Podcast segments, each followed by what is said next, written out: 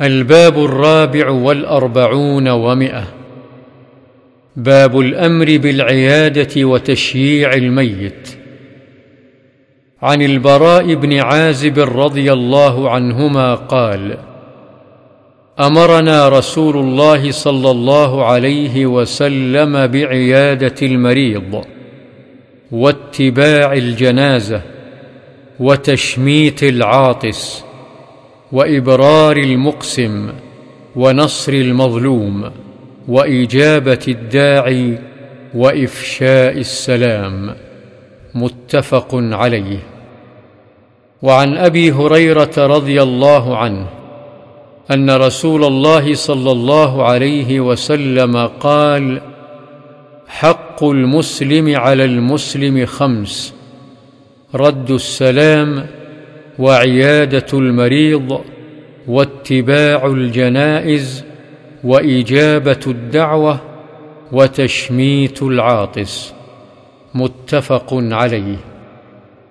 وعنه رضي الله عنه قال قال رسول الله صلى الله عليه وسلم إن الله عز وجل يقول يوم القيامة يا ابن آدم مرضت فلم تعدني. قال يا رب كيف أعودك وأنت رب العالمين؟ قال أما علمت أن عبدي فلانا مرض فلم تعده أما علمت أنك لو عدته لوجدتني عنده. يا ابن آدم استطعمتك فلم تطعمني. قال يا رب كيف أطعمك وأنت رب العالمين؟ قال أما علمت أنه استطعمك عبدي فلان فلم تطعمه؟ أما علمت أنك لو أطعمته لوجدت ذلك عندي؟ يا ابن آدم استسقيتك فلم تسقني. قال يا رب. كيف أسقيك وأنت رب العالمين؟ قال استسقاك عبدي فلان فلم تسقه أما علمت أنك لو سقيته وجدت ذلك عندي؟ رواه مسلم. وعن أبي موسى رضي الله عنه قال قال رسول الله صلى الله عليه وسلم عودوا المريض واطعموا الجائع وفكوا العاني رواه البخاري العاني الأسير.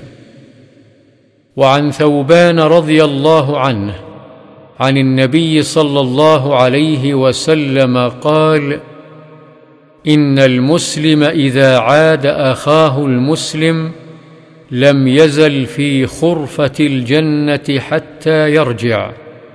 قيل يا رسول الله وما خرفة الجنة؟ قال جناها.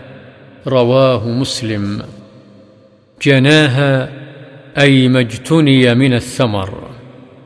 وعن علي رضي الله عنه قال سمعت رسول الله صلى الله عليه وسلم يقول ما من مسلم يعود مسلما غدوة إلا صلى عليه سبعون ألف ملك حتى يمسي وإن عاده عشية إلا صلى عليه سبعون ألف ملك حتى يصبح.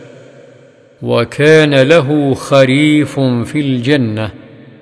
رواه الترمذي وقال حديث حسن.